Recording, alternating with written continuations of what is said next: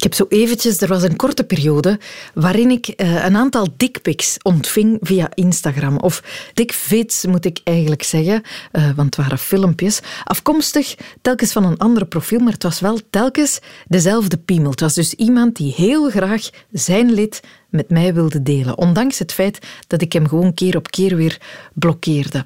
Maar dat was me nu toch een lelijke leuter.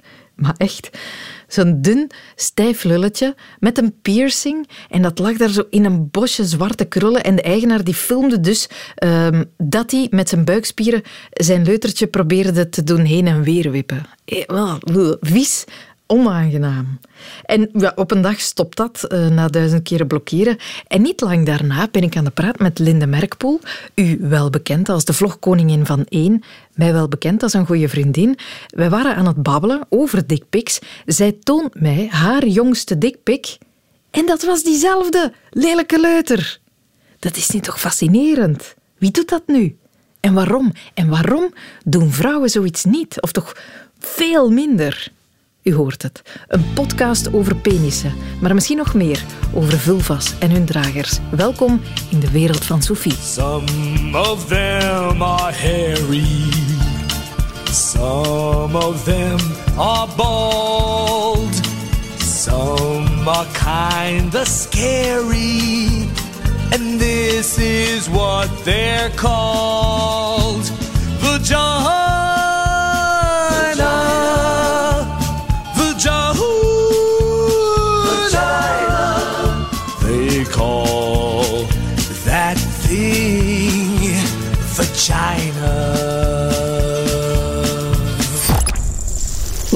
Van Wezenmaal, de seksuologe, die heeft er ook last van. Veel meer trouwens. Twee jaar geleden stapte ze naar de politie met 50 internetprofielen van mannen die haar ofwel seksuele berichten ofwel dickpics hadden gestuurd.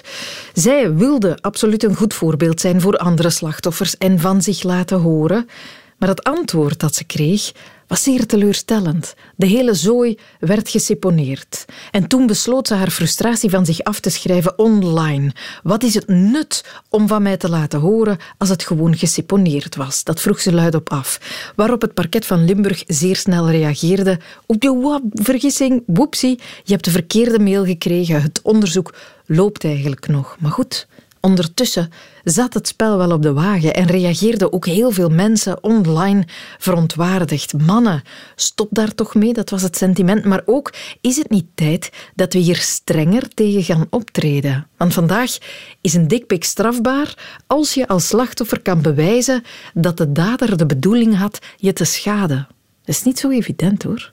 Klinisch psychologe en seksuologe Sarah van Pottelbergen is stellig. Het moet strenger ik, ik, ik vind gewoon dat iets dat ongevraagd is, en dat dit is toch een zeer agressieve daad eigenlijk, om ineens een piemel in je gezicht te krijgen. Alsof dat je, als je gewoon op café gaat en iedereen legt zijn piemel op tafel, dat lijkt mij toch ook niet. Daar lijken mij heel sterke reacties op te komen. Mhm. Ehm, als jij niet vraagt om een geslachtsdeel in je gezicht te krijgen, vind ik dat eigenlijk een agressieve daad. En als mijn dochter daarmee geconfronteerd zou worden, ongevraagd, ja, dan denk ik dat iedereen het erover eens is dat dat niet wenselijk is en dat dat zelfs strafbaar mag zijn. Ook volwassenen vinden dat een agressieve daad vaak. Heel vaak is dat niet gewenst.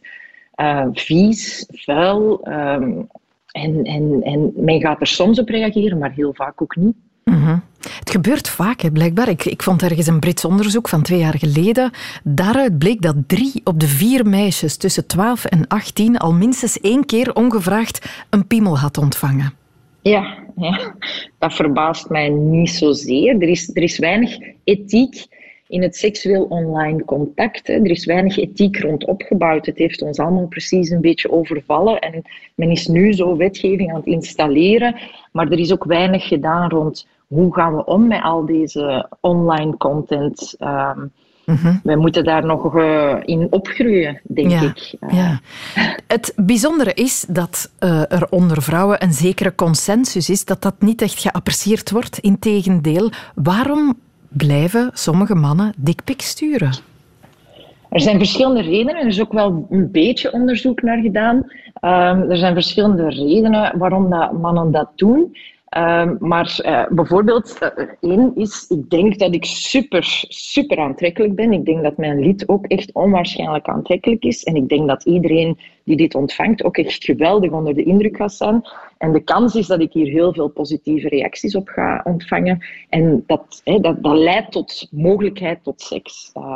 Er wordt heel vaak vanuit die optiek dat gestuurd, exhibitionisme. Mm -hmm. um, ik, heb een, ik, heb, ik heb zin om mezelf te tonen en vooral het chockerende effect is dan een opwindend effect. Hè. Dus dat is echt een parafilie. Ik, ik haal opwinding uit het chockeren van anderen of uit het confronteren van anderen. En een ander iets is soms ook een minderwaardigheidscomplex. Ik voel, ik voel me heel... Ik heb een heel laag zelfbeeld. Ik denk heel, um, heel klein over mezelf. En dus als ik mijn piemel stuur, of ik stuur een piemel van iemand anders, want het hoeft niet per se jouw eigen piemel te zijn, um, dan gaat die ander mij wel willen. Het zijn vaak ook heel onhandige uh, mannen, onhandig in relaties, moeilijkheden om echt een intieme relatie te bouwen die dat soort uh, zaken doen. Mm, maar eigenlijk, in essentie, dat is puur een beleving bij de man, over de man, voor de man. De vrouw eigenlijk, die moet gewoon ontvangen, maar die heeft er in de beleving weinig mee te maken. Zij gaan er wel van uit dat het voor hun beleving ook echt top is. Hè? Dat ja. het geweldig is. Dat zij daar ook heel veel plezier uit halen. Um, dus ook bijvoorbeeld het niet reageren, dat, dat voedt de fantasie van dit is echt fantastisch. Hè? Dit is seksueel opwindend voor mij en zal ook voor die ander seksueel opwindend zijn. Als er negatief op gereageerd wordt, hè, dus dit, dit is niet gevraagd, ik wil dit niet, stop hiermee, kan dat soms ook wel iets voeden. Maar voor de meesten is dat dan wel een teleurstelling. Als er niet op gereageerd wordt, hè, kan die fantasie van dit is het meest geweldige dat ik doe voor anderen eigenlijk nog meer gevoed worden. Het advies dat men geeft als je dickpics ontvangt is altijd aangeven. Zo krijgt men op zijn minst zicht op de getallen, op de omvang van het probleem. Bij eens? Absoluut, maar ik zie hoe moeilijk dat, dat is in de praktijk, omdat er toch ook heel vaak schaamte mee gepaard gaat. Of uh, toch ook een gevoel van dit is mij overkomen, misschien heb ik het uitgelokt. Uh, zoals dat, dat bij alle mormen, vormen van seksueel grensoverschrijdend gedrag het geval is. Dat mensen zich toch in een positie zetten van heb ik dit uitgelokt? Um, misschien is er wel iets in wat ik doe -huh. dat dit mogelijk maakt. En, oh, en, en gewoon ook, Jesus, als ik door heel die mallenmolen moet, want een aanklacht, dan krijg je nog meer bagger over u heen. Vrouwen mm -hmm. online krijgen al zoveel bagger over zich heen. Uh, en dat wordt al een hele tijd aangekaart. Maar als je dat dan aanklaagt, uh, Hilde van Miegem is een, toch wel een topvoorbeeld, denk ik, van iemand die ontzettend veel bagger over zich heen krijgt, omdat zij op een agressieve manier uh, seksueel geweld of seksueel grensoverschrijdend gedrag aanklaagt. Mm -hmm. en dat is wel de manier waarop dat wij met vrouwen omgaan die mhm. dit aanklagen. En dus dat, dat jaagt sommige mensen wel schrik aan om die stap te zetten. Ja, ja, ja. Als ik, het, als ik het doe verdwijnen, dan is het er niet meer. Dan heb ik er alleen last van en het zal wel weggaan. Het zal wel weggaan. Het is niet zo erg. Het is niet zo erg. Maar op die manier gaat het weinig veranderen. Hè? Bestaat het omgekeerde ja. eigenlijk? Bestaan er vrouwen die uh, ongevraagd hun vagina fotograferen en doorsturen? het zal wel bestaan, maar, ik denk dat het toch uh, uh, veel minder voorkomt. Ik denk dat vrouwen trouwens eerder hun borsten doorsturen dan als, uh, naar een bekende man. of een volledige nude om hun aantrekkelijkheid te tonen. Maar de meeste vrouwen zijn niet overtuigd, overtuigd van de aantrekkelijkheid van hun vagina, helaas. Ja. de meeste vrouwen kijken ook niet. Hè. Mannen groeien op met hun piemel in de hand, omdat het ook uh, het, het, de tool is om mee naar het toilet te gaan. Vrouwen, hun geslachtsdeel zit meer van binnen. En mhm. heel weinig vrouwen kijken naar zichzelf, vinden dat vies. Als ik dat hier bevraag in de praktijk, hè, van heb je al naar je vagina gekeken? Nee, nee, ugh. Dat zijn heel vaak de reacties, van, eh, alsof dat het een mooi iets moet zijn. Mannen zijn overtuigd van de schoonheid van hun lid.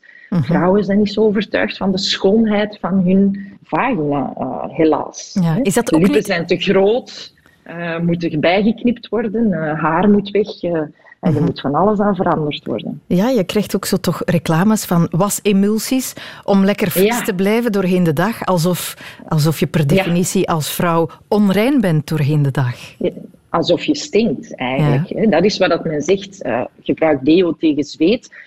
Gebruik een kruidenemulsie om je biotoop daar een beetje te veranderen, zodanig dat als iemand daar naartoe wil gaan, een man of een mond, hè, dat hij dat prettig vindt. Dat moet niet prettig zijn. Hè. En ook, je vernietigt gewoon de natuurlijke pH in je vagina en je zorgt dat er mogelijkheid is tot superveel schimmelinfecties. Dus niet doen, dames. Niet doen. Roger Dead. Nergens goed voor, die was zelfs. We zijn namelijk niet vies.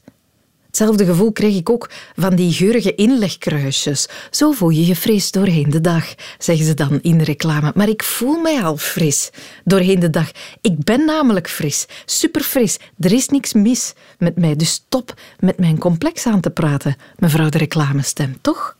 Dat helpt allemaal niet bij de schaamte waar Sar van Pottelbergen het ook al over had. De schaamte, het ongemak waarmee we onze vulvas verbergen, alsof er iets mis mee is alsof er werk aan is. En dat staat in schril contrast bij de piemelbeleving van de man. We mogen niet veralgemenen, maar in veel gevallen is de penis een bron van trots, een lichaamsdeel dat vieren gedragen wordt en getoond, ook al vroeg je er niet om. Zie hier mijn lid, het is prachtig, dat moet zalig zijn om zo over je geslacht te kunnen praten, als over een trofee. Hoe praten vrouwen over hun vulva's? Hoe anders is die band? Wij zetten drie vrouwen aan tafel met één verplicht gespreksonderwerp. Hun foef. Mijn vagina, die, uh, ja, dat is een stuk van mijn lijf waar ik best wel veel van hou. Voor mij is mijn vagina toch wel iets waar dat ik heel lang heel veel uh, preutsheid rond gehad heb.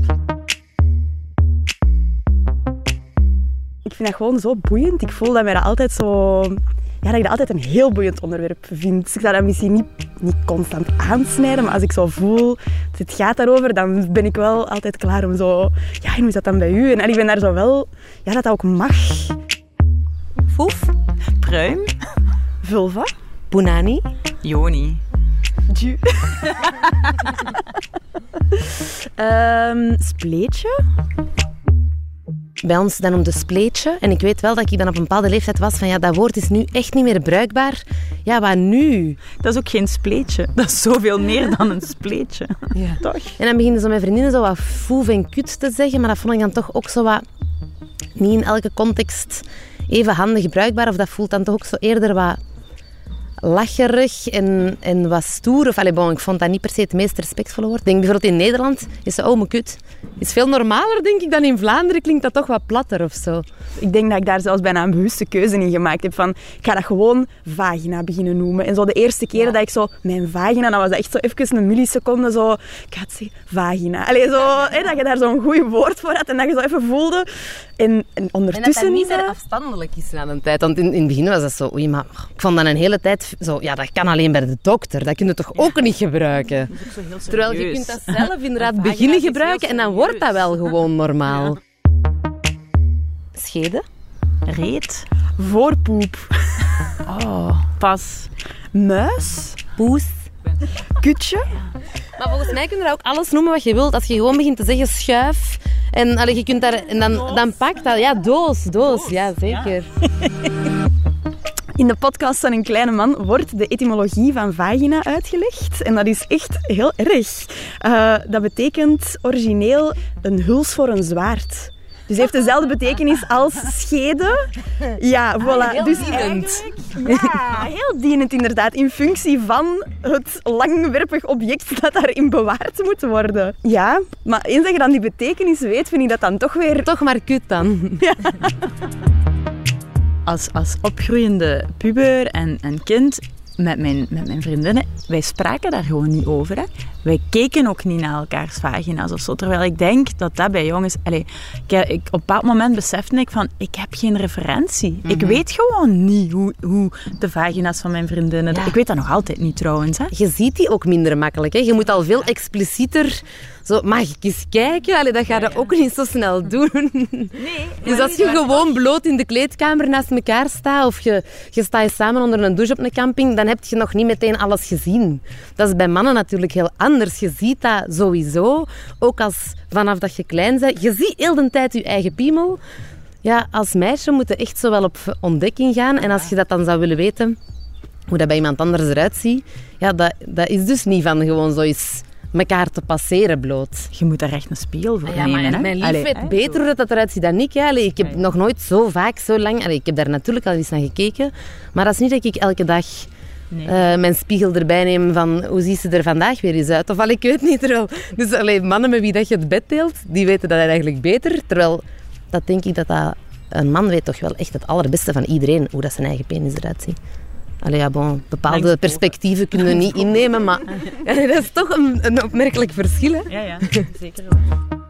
Ik was aan het denken dat mij het voor mannen, allee, dat is een beetje een stereotype natuurlijk, niet voor alle mannen, maar ook wel heel moeilijk lijkt, omdat ik denk dat daar misschien nog wel meer een ding rond hangt als jongeling van ik heb een grote.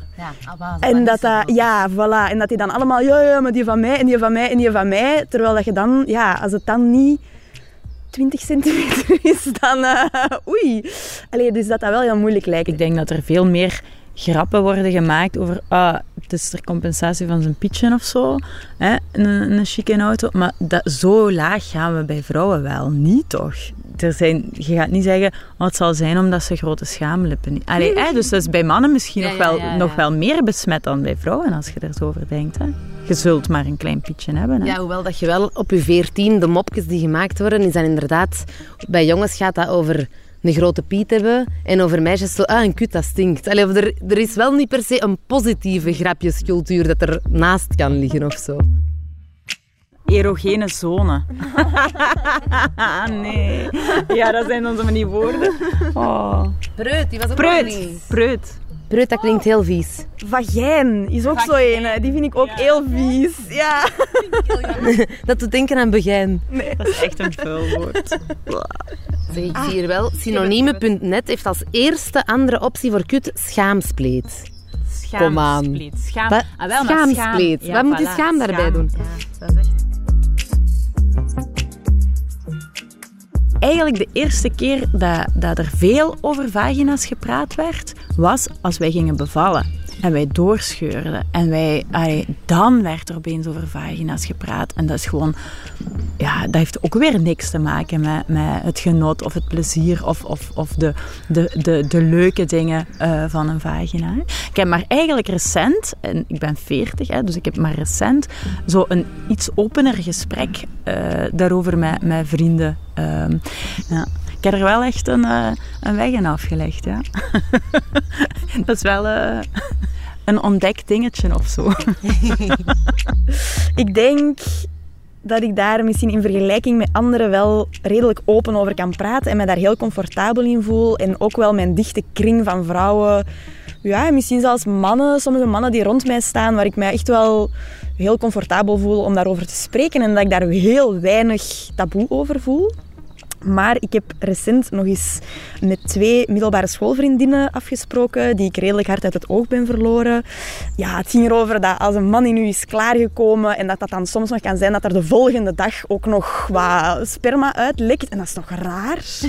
En dat ik zo, maar nee, dat is toch helemaal niet raar? En ik voelde mij ineens zo wat, eh, precies pedant te doen of zo. En ik dacht zo, oei ja, ik voelde aan dat dat voor hen misschien niet zo normaal was. Of dat zij zo wat van, ah ja, oké. En dat was zo wel even een, een ehm, reality check misschien. Van, ah ja, ik moet wel oppassen op de manier waarop ik daarover blijf praten. Want nu ben ik ineens zo op mijn high horse. Terwijl dat ik ook wel denk dat dat net de, de gesprekken zijn die je, die je moet tegenkomen om, om zelf ook over iets te geraken. Ik heb dat zelf ook, ook, ook zo ervaren. Hè? Dat je doordat dat gesprek dan toch eens op tafel komt en toch eens een keer gevoerd wordt, dat je dan voelt van, ja eigenlijk, waarom, waarom, waarom, waarom zijn we daar zo preuts over?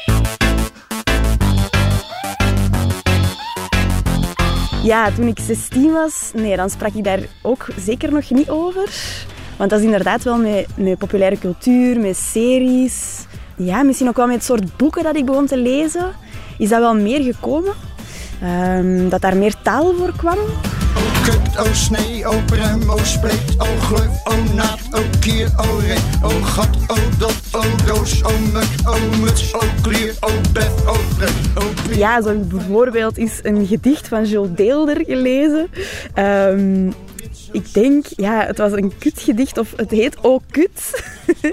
en dat is echt een gigantisch lange lijst van allemaal benamingen voor de vagina. Daar komt uh, mossel en schede en snee en o rits, o snits, o lik, o stuk, o pot, o punt, o kruis, o munt. O krocht, o brug, o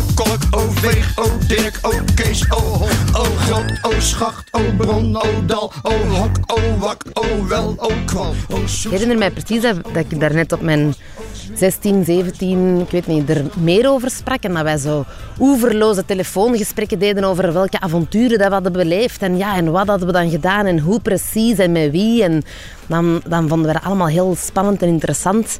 En brachten wij wel zo nogal gedetailleerd verslag uit aan elkaar. En dat we dat terug wat verleerd zijn. Allee, maar dat was toen natuurlijk ook op een hele jonge manier. Hè. Maar nu recent gaat het er met vriendinnen terug over van... Hé, maar hoe komt dat wij er zo weinig over spreken? Of dat zou toch fijn zijn als wij, als wij meer delen over onze seksualiteit en hoe dat je dat beleeft en wat er daar allemaal kan. Of, ja. Ja, ik moet zo denken aan een beetje een ontdekkingstocht of zo. Ja, met dan zo recente studies en amai, de clitoris en hoe ziet dat eruit, dat dat wel zo blijft je draagt je al heel je leven mee, maar blijft toch een stukje mysterie vasthouden. Ik vind dat wel heel boeiend om, daar, ja, om die ontdekkingstocht te blijven aangaan. Ja, dat zou fijn zijn als dat veel gewoner zou zijn. En niet enkel in een of geseksualiseerde context of medische context. Dat is ook gewoon een stuk lijf, zoals dat je van alles aan je lijf hebt, waar wij wel heel gewoon over praten. Maar ook wel net iets waar dat je veel plezier en schoonheid aan kunt beleven. Dus niet enkel dat banaliseren. Denk ik dat beide fijn zouden zijn als dat veel uh, natureller zou kunnen. Ik, heb een dochter die intussen tien is, en, maar ook een zoon. En ja, ik heb wel het gevoel dat ik daar alle preutsheid en alle taboe rond wil wegnemen. Zo. En ik hoop dat ze allebei de openheid gaan hebben om, om wel vragen te komen stellen en om wel eerlijke antwoorden te krijgen. En um, we zullen zien. Een reportage hoorde je van Anke van Meer over de ontdekking van de vulva. Heb ik u wel eens verteld over mijn ontdekking van de clitoris? De ware clitoris, in zo'n wonderlijke, grote gedaante. Want we kunnen onze eigen schaamte bekampen om de vulva haar verdiende aandacht en liefde te gunnen. Maar de wetenschap heeft ook nog werk hoor. Wij maakten ooit een uitzending over onontgonnen gebied in de wetenschap. En daarin plaatste ik deze oproep. Al de hele ochtend praten we over wat nog te ontdekken valt in de wereld. Welk onontgonnen terrein ligt nog voor ons? Waar kunnen we ons nog als ware ontdekkingsreizigers met afritsbare broeken instorten? Veel zo blijkt, te veel om op te noemen. Van het diepste puntje van de zeebodem tot de verste exoplaneet. We kunnen ons nog jaren bezighouden met het opsporen van nieuwe mossen en sponsen en kevers en wormen, bevolkingen, noem maar op. Ik wil toch even een kleine oproep doen. Om toch ook een deeltje van dat onderzoek te wijden aan het verder bestuderen van het vrouwelijke lichaam. Vorig jaar zag ik bij iemand die ik ken een brosje op een jas. Het zag eruit als een soort abstracte pterodactylus, een octopus met gebreken. En ik vroeg aan de draagster van de brosje: wat is dat malle diertje dat je daar op je kraagje draagt? En tot mijn gigantische verbazing zegt ze: Ah, dat, dat is een clitoris. Wist je dat nog niet? Dit is de volledige clitoris. Ik heb dat ook nog maar onlangs gehoord, maar die is keigroot en die heeft tentakels overal. Dat is zot, hè? Blijkt dat een Australische uroloog in 1998 pas de volledige clitoris in kaart heeft gebracht. De volledige pracht en glorie van het vrouwelijke genotsorgaan. Een ontdekking om u tegen en olala van te zeggen. Maar echt doorgedrongen is die kennis, twintig jaar later, nog steeds niet. Ik hoor in 2018 hoe een clitoris eruit ziet. Dat is zot, dat is gestoord. We hebben mannetjes in gekke pakken de ruimte ingestuurd. We hebben een schaap gedupliceerd. We hebben porno gratis en 24 op 24 beschikbaar gemaakt voor Jan en alle man op het internet. Allemaal nog voor we goed en wel wisten wat er tussen onze eigen benen zat. De hoeveelheid vrouwelijk plezier die de mensheid op die manier ontnomen is door dat gebrek aan kennis en know-how is niet te schatten. Hoeveel kreten van genot zijn niet gesmoord onder de desinteresse van de vooral mannelijke wetenschapswereld? Hoe cares about de Afrikaanse palmgierzwaluw en zijn nestdrang wanneer mijn Afrikaanse palmgierzwaluw niet mag chilpen? Een oproep dus om die nerdy naarstigheid die zoveel wetenschappers siert te blijven toepassen ook op de studie van het vrouwelijke lichaam. Als jullie er nu pas in slagen om een correct beeld te schetsen van de clitoris, wat hebben jullie dan niet nog allemaal gemist? Ik zou zomaar kunnen klaarkomen door in mijn elleboog te nijpen. Wie zou het mij komen vertellen? Oké, ja, dat heb ik intussen wel uitvoerig kunnen testen, hè, de elleboog doet niks. Verspilde tijd. Maar goed, de wetenschap heeft die de vrouw en haar vulva tekort gedaan. Als een clitoris pas in volle glorie kan genieten sinds de 21ste eeuw, moeten wetenschappers dan niet hoogdringend op foefsafari. Ga je mee op foefsafari? Lekker zo van la, Ga je foefsafari? Lekker zo van, oeh, lekker zo Merel is dit, met het prachtige, hilarische Foef-safari. Verdient toch wel een eervolle vermelding, Merel, om heel wat schaamte en taboe van de vulva weg te halen. Maar de wetenschap, ik meen dat wel, is de vagina niet gewoon veel te lang over het hoofd gezien door de wetenschap, ten gunste van de penis? Dat vroeg ik aan Marike Hendriksen. Zij is wetenschapshistoricus verbonden aan het NL-lab van de Koninklijke Nederlandse Academie van Wetenschap. Nou, dat, dat valt eigenlijk wel mee. Ehm, het is ook een beetje een, een misverstand dat uh, er zo lang weinig of niks bekend is geweest over uh, de vrouwelijke geslachtsdelen. Ja. Um, wat we eerder zien is, als je echt goed naar de historische bronnen kijkt, um, is dat er al wel degelijk ook al um, in bijvoorbeeld de 16e eeuw, toen uh, de anatomie uh, tot bloei kwam, aandacht was voor de vrouwelijke voortplantingsorganen. Maar dat die kennis vaak um, ofwel bewust werd overgeslagen in de overdracht, of um, dat het moeilijk te duiden was, waardoor het ja, als minder belangrijk werd beschouwd. Of dat er maar een beetje overheen gepraat werd eigenlijk. Mm -hmm. um, bijvoorbeeld uh, Vesalius, een van de grootste anatomen uit de 16e eeuw, die um, wist al heel goed dat er een clitoris was. Alleen uh, wist hij niet precies waarvoor die diende. En um, dat is natuurlijk een beetje ongemakkelijk als je jezelf probeert te presenteren als uh, specialist. Ja, lastige kwestie. Dus ja. hij verzweeg het dan maar. Nou, je ziet dus wel dat hij. Uh, hij, hij beeldt hem wel af en hij beschrijft hem wel. Maar um, als er vervolgens dan iemand zo'n uh, groot boek in het Latijn uh, doorneemt en die ziet van, oh ja, daar staat iets, maar eigenlijk weten we niet waarvoor het dient, dan is het natuurlijk um, heel makkelijk om te denken, nou dan ga ik eerst met iets anders verder. Dan ga ik niet hier nu um, heel veel aandacht aan besteden. Bovendien, het is een vrouwenlichaam. En um, in de geneeskunde uh, destijds, en eigenlijk nog steeds een beetje, was de standaard een man. Dus dat werd wel dan wat belangrijker gevonden om daar aandacht aan te besteden. Ja, ja, het standaard lichaam, dat was de, het mannenlichaam. Ja, ja, eigenlijk wel. Inderdaad. En hoe, hoe keek men dan naar het vrouwenlichaam? Um, nou, je moet je goed voorstellen dat in de, de 16e eeuw hadden we het net over, hè, maar eigenlijk die hele vroegmoderne periode was de hele wereld natuurlijk um, intens religieus. Zeker in Noordwest-Europa ook. En um, alles werd dus ook eigenlijk ja, met, door een soort van religieuze bril beschouwd. En als je kijkt naar het scheppingsverhaal, dan wordt Eva uit een rib van Adam geschapen. Mm -hmm. Dus in zekere zin is de vrouw een soort afgeleide van de man. Um, en op die manier is het dan ook natuurlijk makkelijk te verantwoorden om te zeggen van ja, dat mannenlichaam is eigenlijk de standaard. En het vrouwenlichaam is wat er afwijkt. Ja. Uh, en niet andersom. De dus vrouw is een gebrekkige man, hoor ik dat goed? Ja, nou ja, niet zozeer een gebrekkige man. Sommige anatomen, anatomen stelden dat wel echt zo. Maar er waren er ook die zeiden van ja, het is gewoon een, een, ja, een ander soort lichaam. Maar um, ja, die man die is de standaard, dus dat is het belangrijkste om te begrijpen. En er kwam ook nog eens bij dat mannenlichamen over het algemeen makkelijker toegankelijk waren. Want al die anatomen waren natuurlijk ook mannen.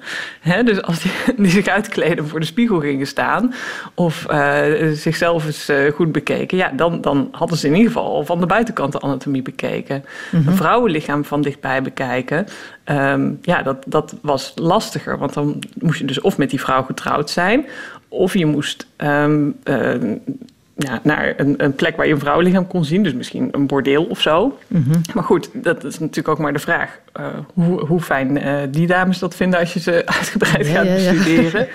en plus, dat, um, als je het, de binnenkant wil bekijken, wordt het nog lastiger natuurlijk. En dat is waar het een anatoom om te doen is. Um, en wat je dan ziet is, tot de 19e eeuw is dissectie een soort van straf. Dus als mensen um, voor een misdaad ter dood veroordeeld werden, dan werden ze ook nog eens tot dissectie na hun dood veroordeeld. Dus dat was eigenlijk een soort extra straf, een, een publieke vernedering. En uh, van die ter dood veroordeelden, dat waren vaak, vaker mannen dan vrouwen.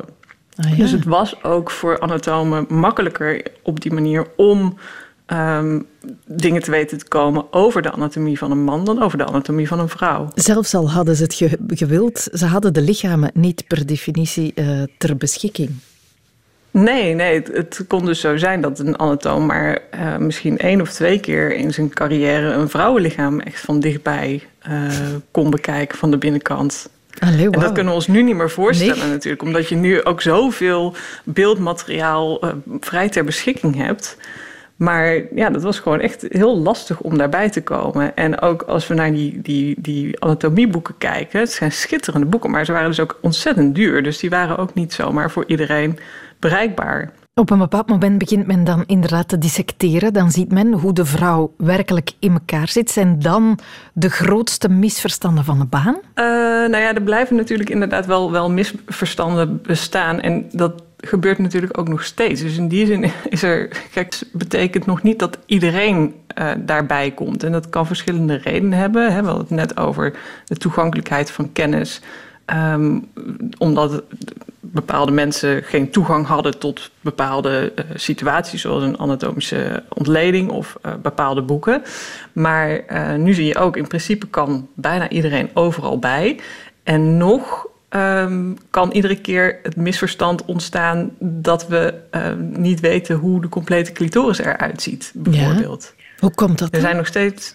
Nou ja, ik denk dat het voor een deel uh, nu ook met het onderwijs te maken heeft. Kijk, schoolboeken worden gewoon niet zo heel vaak vervangen. Mm -hmm. um, dus als nu in de nieuwste schoolboeken inderdaad de volledige clitoris wordt afgebeeld, dan kan het wel tien jaar duren voordat alle scholieren um, zo'n nieuw boek onder ogen krijgen. Mm -hmm. En in afwachting dan... van die tijd moet je uh, berusten op ja, de welwillendheid van de leerkrachten om zelf altijd nieuwe informatie, de jongste informatie, te gaan zoeken. Ja, bijvoorbeeld. Ja, want kijk, je kunt van een, een, de gemiddelde 15-jarige ook niet verwachten dat ze op anatomie clitoris gaan googlen. dat, mm -hmm. dat, dat is niet waarschijnlijk het eerste waar een, uh, een 15-jarige die nieuwsgierig is naar uh, seks naar gaat zoeken.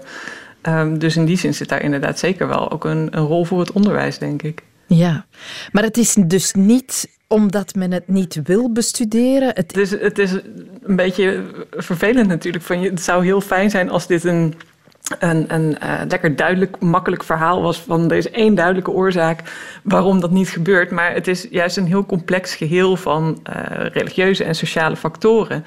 Wat is acceptabel om te bestuderen? Wat is acceptabel om te publiceren? Um, wat, wat willen mensen lezen en zien?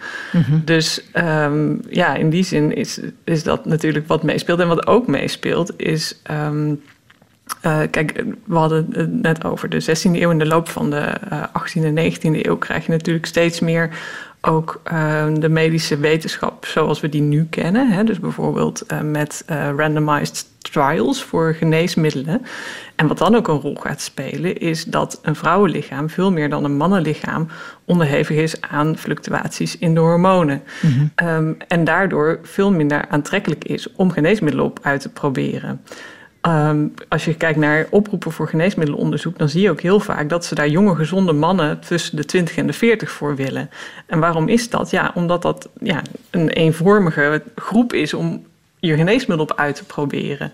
Maar dat betekent natuurlijk niet dat wat in die groep heel goed werkt, dat dat voor een vrouwenlichaam ook heel goed werkt. En daar kennen we een heleboel voorbeelden van, van hoe die bias eigenlijk uh, ten nadele van uh, vrouwen doorwerkt in de geneeskunde. Mm -hmm. Dus dat komt er ook nog eens bij. Van die, er zitten een aantal um, sociale, culturele, maar ook dus um, ja, wetenschappelijke factoren in, waardoor dat vrouwenlichaam in de geneeskunde eigenlijk zo ja, relatief weinig aandacht krijgt. Ja, maar op die manier fopt de geneeskunde zichzelf wel een beetje. Hè? Als je zo op de, ja. de gemakkelijkste manier gaat een medicijn testen. Nou ja, ja, je kunt zeggen, houden we onszelf voor de gek. Anderzijds, um, ja, je, je, moet natuurlijk ook ergens beginnen. Dus in die zin is het wel logisch. En wat je ook de laatste uh, jaren wel veel meer ziet, is dat er ook speciale studies worden opgezet om uh, geneesmiddelen specifiek op vrouwen uh, uit te proberen. Um, en dat dan ook, want bijvoorbeeld met um, uh, hartmedicijnen weten we dat dat heel belangrijk is, omdat vrouwen ook heel andere symptomen hebben dan mannen als ze hartklachten hebben. Um, dus er zit wel beweging in, maar dat gaat heel langzaam. En als je terugkijkt hoe zich dat gevormd heeft, dan is dat ook ergens wel begrijpelijk. Het is natuurlijk ook echt alsof je een soort van oceaanstomer probeert bij te sturen. Ja, ja. Um, ja, want het is ook een soort van gouden standaard. Hè? Dat als je iets, iets wil uitproberen op een groep mensen, dat je probeert om die groep zo homogeen mogelijk te maken.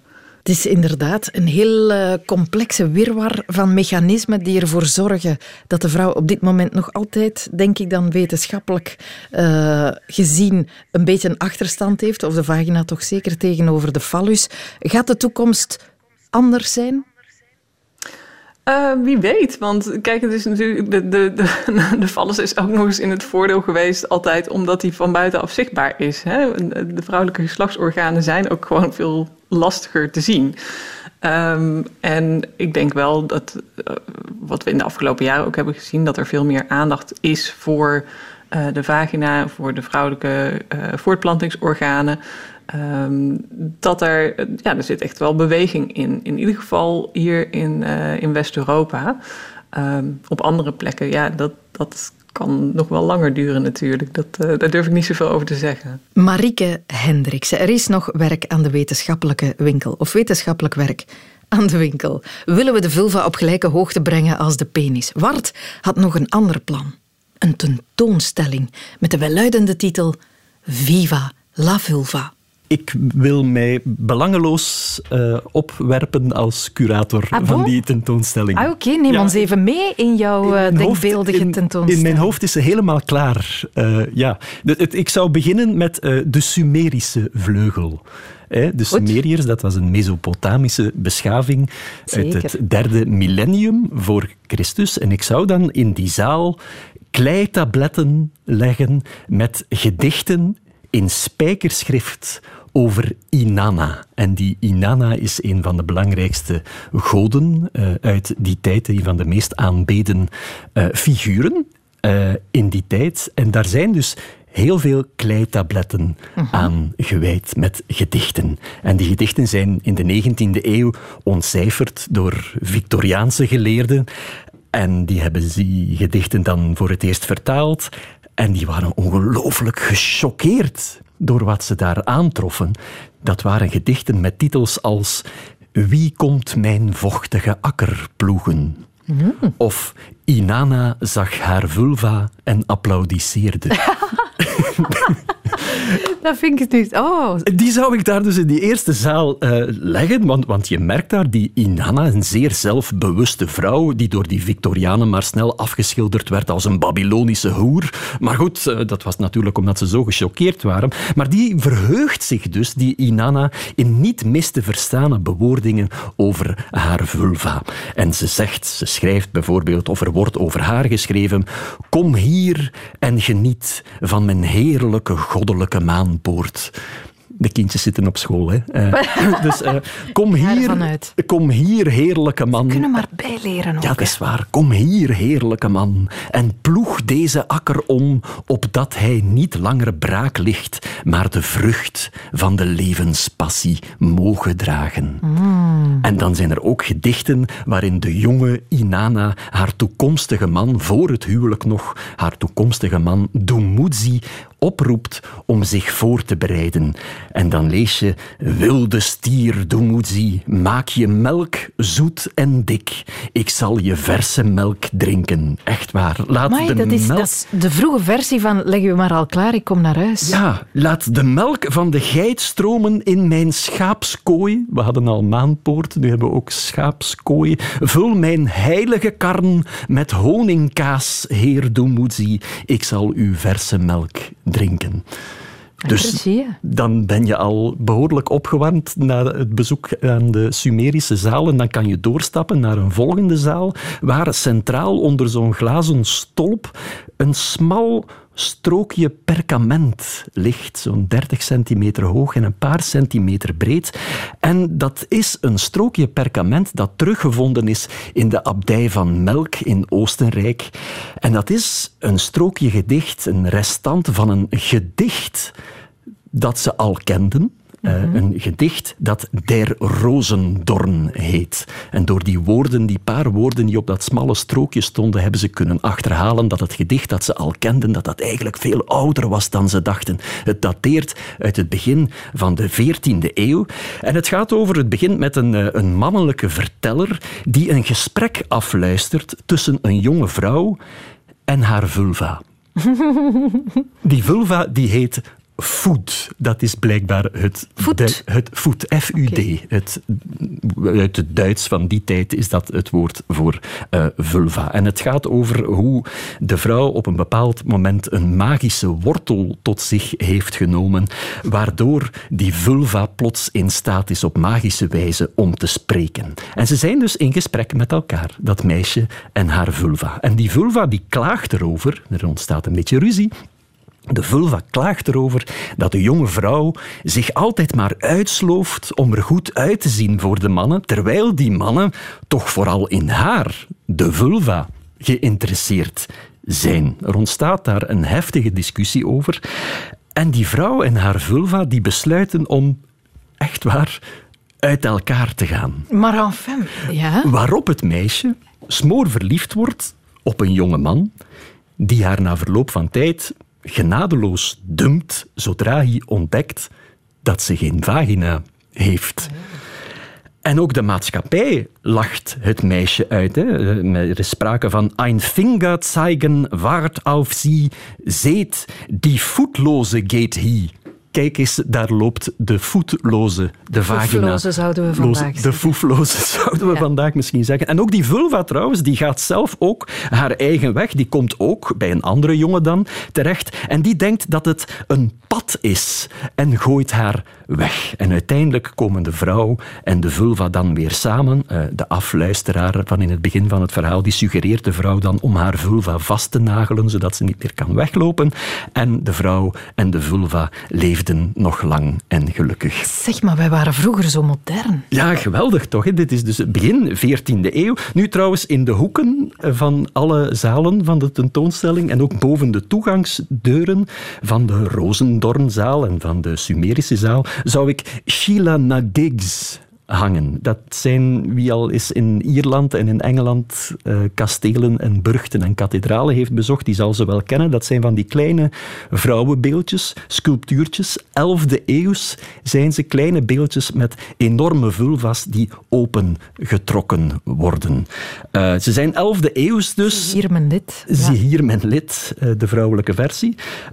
Nog etymologisch, nog qua betekenis is er duidelijkheid over waar ze vandaan komen. Sommigen zeggen dat het vruchtbaarheidssymbolen zijn, anderen zeggen dan weer dat het onheilafweerders zijn, wat zou kunnen verklaren dat ze inderdaad altijd boven deuren eh, eh, te vinden zijn van kerken, kastelen en burchten. En van daaruit kan je dan verder naar eh, verschillende andere zalen waar je klassiekers kan eh, tentoonstellen. L'origine du monde van Gustave Courbet bijvoorbeeld, hè, nog maar recent. Eh Ontmasker trouwens, wie het model was voor dat bekende Ah ja, dat kunstwerk. Ja, Constance Kenio, een danseres uit de opera van Parijs, waar Courbet een eh, relatie mee had. En dan zou je ook de terracotta vulvas van de Amerikaanse kunstenares Hannah Wilke kunnen eh, laten zien. De vaginabloemen van Georgia O'Keeffe. Eh, de zelfportretten van Tracy Emin, hè, die... foto's van zichzelf in het ziekenhuis deelde na een kankerbehandeling waarin ze een deel van haar vagina uh, liet verwijderen. Dan kan je in de museumtuin Dirty Corner van Anish Kapoor opstellen. Dat is een constructie van 60 meter lang. Het zal een grote tuin moeten zijn. Uh, eh, 10 meter hoog stalen kunstwerk dat ze zelf omschreef als de vagina van de koningin die de macht grijpt. Of als dat te groot is, kan je de diva zetten. Hè, een betonnen 33 meter hoge vagina-sculptuur van Giuliana Notari, die een aanklacht was tegen het eh, fallocentrisme in Brazilië en te zien was op een heuvel in Brazilië. En als je dat allemaal gezien hebt, kom je dan in de museumshop en daar kan je uh, de Pussy Pairs kopen. Dat is een, uh, een gezelschapsspelletje, gebaseerd een soort memory-spelletje met gipsen vulva's van de Oostenrijkse kunstenares Gloria Dimmel. Het ligt allemaal klaar, Sophie. Het ja. moet alleen nog uitgevoerd worden. Ja, ik hoor het. Wart. Niet alleen een meesterverteller, maar ook een curator in het diepst van zijn gedachten.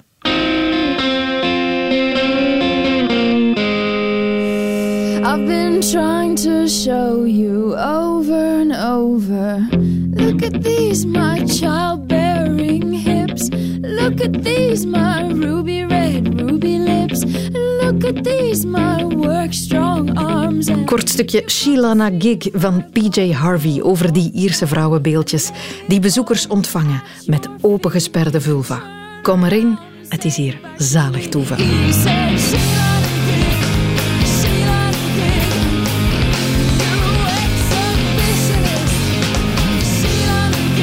Dit was de wereld van Sophie over de vulva. Meer van ons horen kan door je te abonneren op deze podcast. Kost je niks. Dan heb je voortaan elke vrijdag een aflevering automatisch op je toestel. En je hoort ons ook elke weekdag op Radio 1. Dat is telkens tussen 10 uur en 12 uur. Dus heel graag tot gauw. Dit was een podcast van Radio 1. Ontdek nog meer podcasts van Radio 1 in onze app en op radio1.be. Radio 1. Altijd benieuwd.